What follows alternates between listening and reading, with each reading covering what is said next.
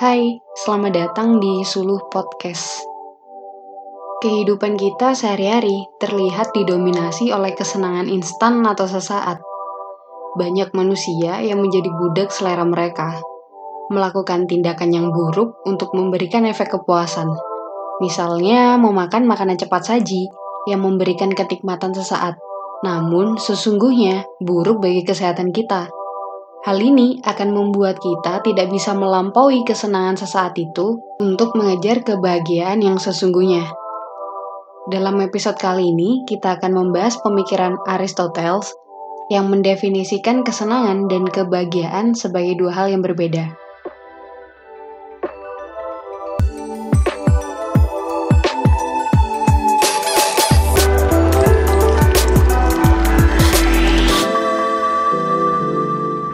Aristoteles ini muridnya Plato. Ia dilahirkan sekitar 385 sebelum Masehi di wilayah Makedonia. Tepatnya di timur laut Yunani di kota kecil Stagira. Ayahnya adalah seorang dokter istana untuk Raja Makedonia. Pada sekitar umur 17 tahun, Aristoteles dikirim ke Athena untuk belajar di Akademi Plato. Pada saat itu, Akademi Plato menjadi tempat yang unggul untuk belajar di Yunani. Setelah kematian Plato, Aristoteles meninggalkan Athena dan berpindah-pindah untuk melanjutkan penelitian filosofisnya, dan memilih melakukan riset biologi di Pulau Lesbos. Di sinilah ia bertemu dengan istrinya. Pada tahun 343 sebelum Masehi, Aristoteles diminta Philip, Raja Makedonia, untuk mengajari putranya yang berusia 13 tahun pada saat itu. Putranya bernama Alexander Agung.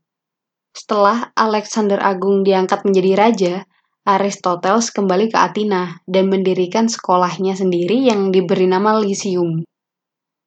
Aktivitas pengajaran dalam institusi ini dilakukan berjalan sambil berpikir. Dalam bahasa Yunani disebut peripatos, oleh karena itu, alumni dari institusi ini dikenal sebagai peripatisian atau filsuf yang berjalan. Menjelang akhir hidup Aristoteles, kondisi politik di Athena sedang panas-panasnya karena Makedonia. Aristoteles dituduh sebagai penjajah, sebab selama hidupnya Aristoteles tidak pernah menjadi warga negara Athena. Kemudian Aristoteles memilih untuk meninggalkan Athena dan memberikan tanggung jawab Lysium kepada Theophrastes. Aristoteles mengatakan bahwa ia tidak ingin melihat warga Athena melawan filsafat untuk kedua kalinya, seperti peristiwa kematian Socrates. Aristoteles menjadi saksi hidup dari puncak kejayaan demokrasi Athena dan juga merudupnya demokrasi di Athena, karena semakin kuatnya pengaruh kekuasaan Makedonia. Dalam berfilsafat, Aristoteles menganut aliran realisme yang menjadikan kesadaran sebagai titik sentral dalam berfilsafat. Aristoteles sangat mencintai ilmu pengetahuan. Baginya, semua manusia secara alamiah menghasrati pengetahuan. Proses penyelidikan rasional atau berpikir ini menjadi salah satu aktivitas yang mendatangkan kebahagiaan sejati. Salah satu karya Aristoteles yang berpengaruh yaitu Etika Nikomakea. Bagi Aristoteles, apa pun pasti ada tujuannya. Dan tujuan tertinggi itu mencapai eudaimonia atau kebahagiaan. Jika orang sudah bahagia, maka tidak akan mencari lagi, karena tujuannya sudah tercapai. Sebab bahagia itu menjadi puncaknya. Tapi, jika ada orang yang mengaku sudah bahagia, tapi dia masih terus mencari lagi, ya berarti belum bahagia dalam arti sesungguhnya. Coba kita refleksikan diri kita terhadap apa yang kita inginkan. Kemudian kita kejar terus alasannya, pasti ujungnya untuk kebahagiaan. Misalnya, kenapa ingin laptop baru? Memang kalau laptop baru mau buat apa? Laptop baru biar nggak lemot, kan jadinya lancar kalau ngerjain tugas. Emang kalau ngerjain tugasnya lancar, apa yang diharapkan? Kalau ngerjain tugas lancar biar maksimal, dapat nilai bagus, jadi orang tua bangga. Kalau mereka bangga, kan anaknya juga bahagia. Nah, dari sinilah pertanyaan-pertanyaan yang terus dikejar, ujungnya pasti kebahagiaan. Upaya untuk mencapai kebahagiaan, maka perilakunya harus bermoral atau bijak. Makanya harus menggunakan akal atau rasio. Terus pertanyaannya, dari mana kita bisa tahu suatu hal dianggap bijak atau melakukan hal baik itu bisa menghasilkan kebahagiaan? Bagaimana kita tahu suatu perbuatan dianggap baik? Bagi Aristoteles, kebaikan itu dibagi menjadi dua, yaitu sofia atau rasio, artinya berpikir atau berkontemplasi untuk membangun karakter. Biasanya disebut sebagai kebijaksanaan teoritis. Dan yang kedua, yaitu rasio praktis atau tindakan nyata sesuai kemampuan yang tepat, atau biasanya disebut kebijaksanaan praktis. Ada waktu tertentu kapan kita menggunakan kebijaksanaan teoritis atau praktis. Jika orang hanya menggunakan teoritis saja, ya tidak akan peka dengan realitas yang ada.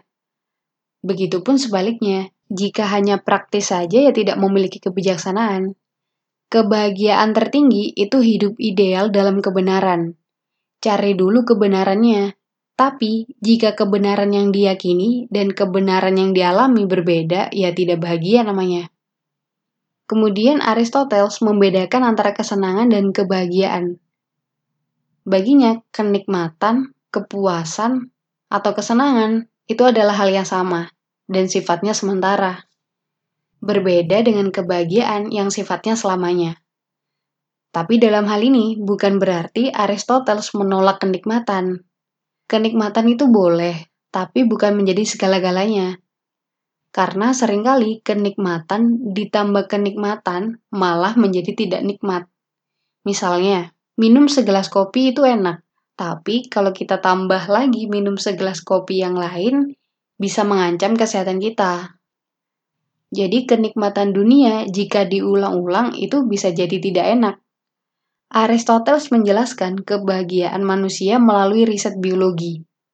Jika kita memperhatikan alam, maka akan ada empat jenis materi yang berbeda dan memiliki tujuan masing-masing. Misalnya, yang pertama mineral, seperti bebatuan, logam, dan benda tak bernyawa lainnya keberadaan benda-benda yang tidak bernyawa ini tujuannya untuk beristirahat saja karena tidak memiliki jiwa. Kemudian yang kedua vegetatif atau tumbuhan yang menunjukkan mereka hidup karena mereka berupaya mencari makan dan terus tumbuh. Tujuan tumbuhan ini yaitu untuk bertahan hidup. Yang ketiga animalia, di mana hewan tidak hanya untuk sekadar hidup, tetapi juga mencari kenyamanan dan reproduksi untuk hidup yang berkelanjutan. Yang terakhir manusia. Yang membedakan manusia dengan hewan yaitu akal budi atau rasio. Manusia sama saja dengan hewan, hidupnya untuk mencari kenyamanan dan melakukan reproduksi. Bedanya manusia memiliki akal. Hanya manusialah yang mampu bertindak sesuai prinsip dan bertanggung jawab atas pilihannya. Aristoteles dalam Etika Nikomakea mendefinisikan fungsi manusia untuk menghidupi jenis kehidupan tertentu dan aktivitas yang melibatkan prinsip rasional. Manusia yang baik adalah manusia yang mengoptimalisasi kodratnya untuk berpikir. Dan perbuatan baik itu tercipta karena fungsi rasional atau karena fungsi kita berpikir. Dengan demikian, kebahagiaan merupakan aktivitas jiwa yang sesuai dengan keutamaan manusia.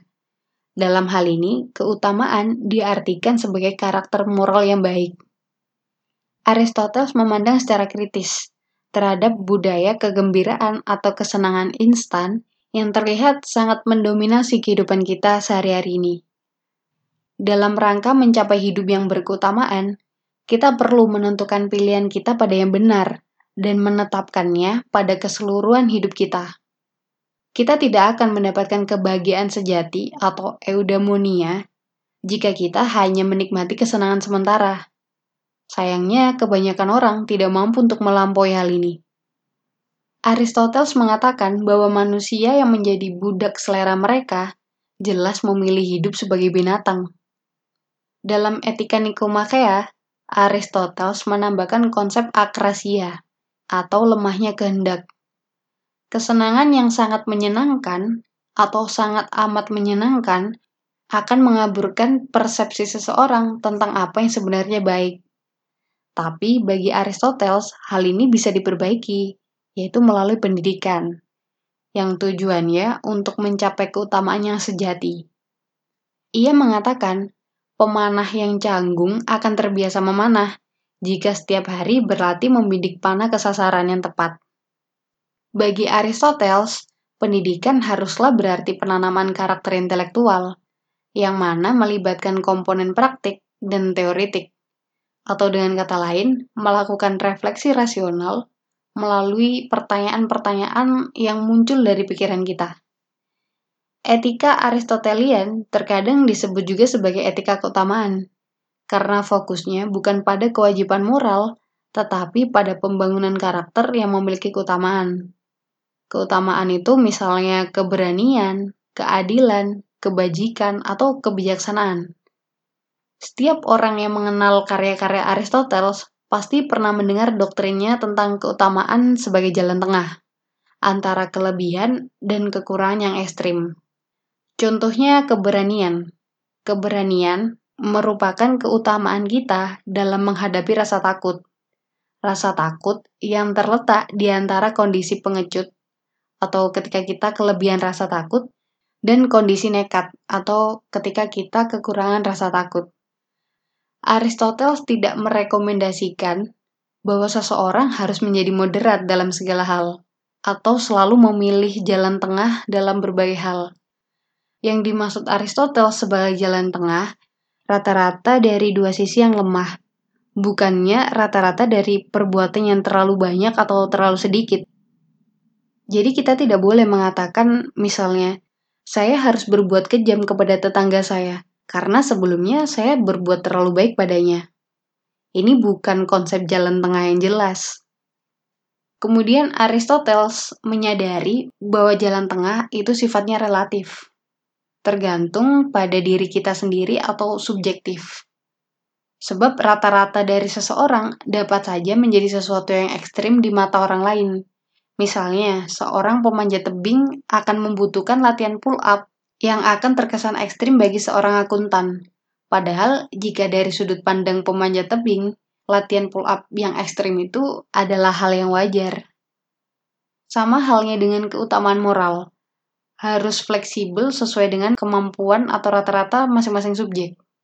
Aristoteles berpendapat untuk mendapat tubuh yang sehat, ia dibutuhkan asupan yang bergizi dan porsi olahraga yang berbeda-beda masing-masing orang.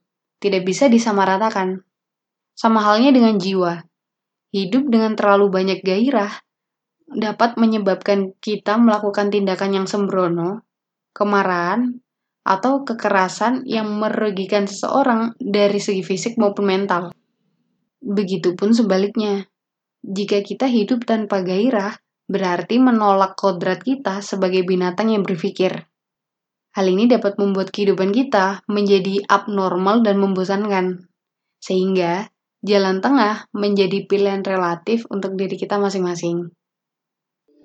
Sebelum bijak dalam bertindak, bijaklah dalam berpikir. Salam.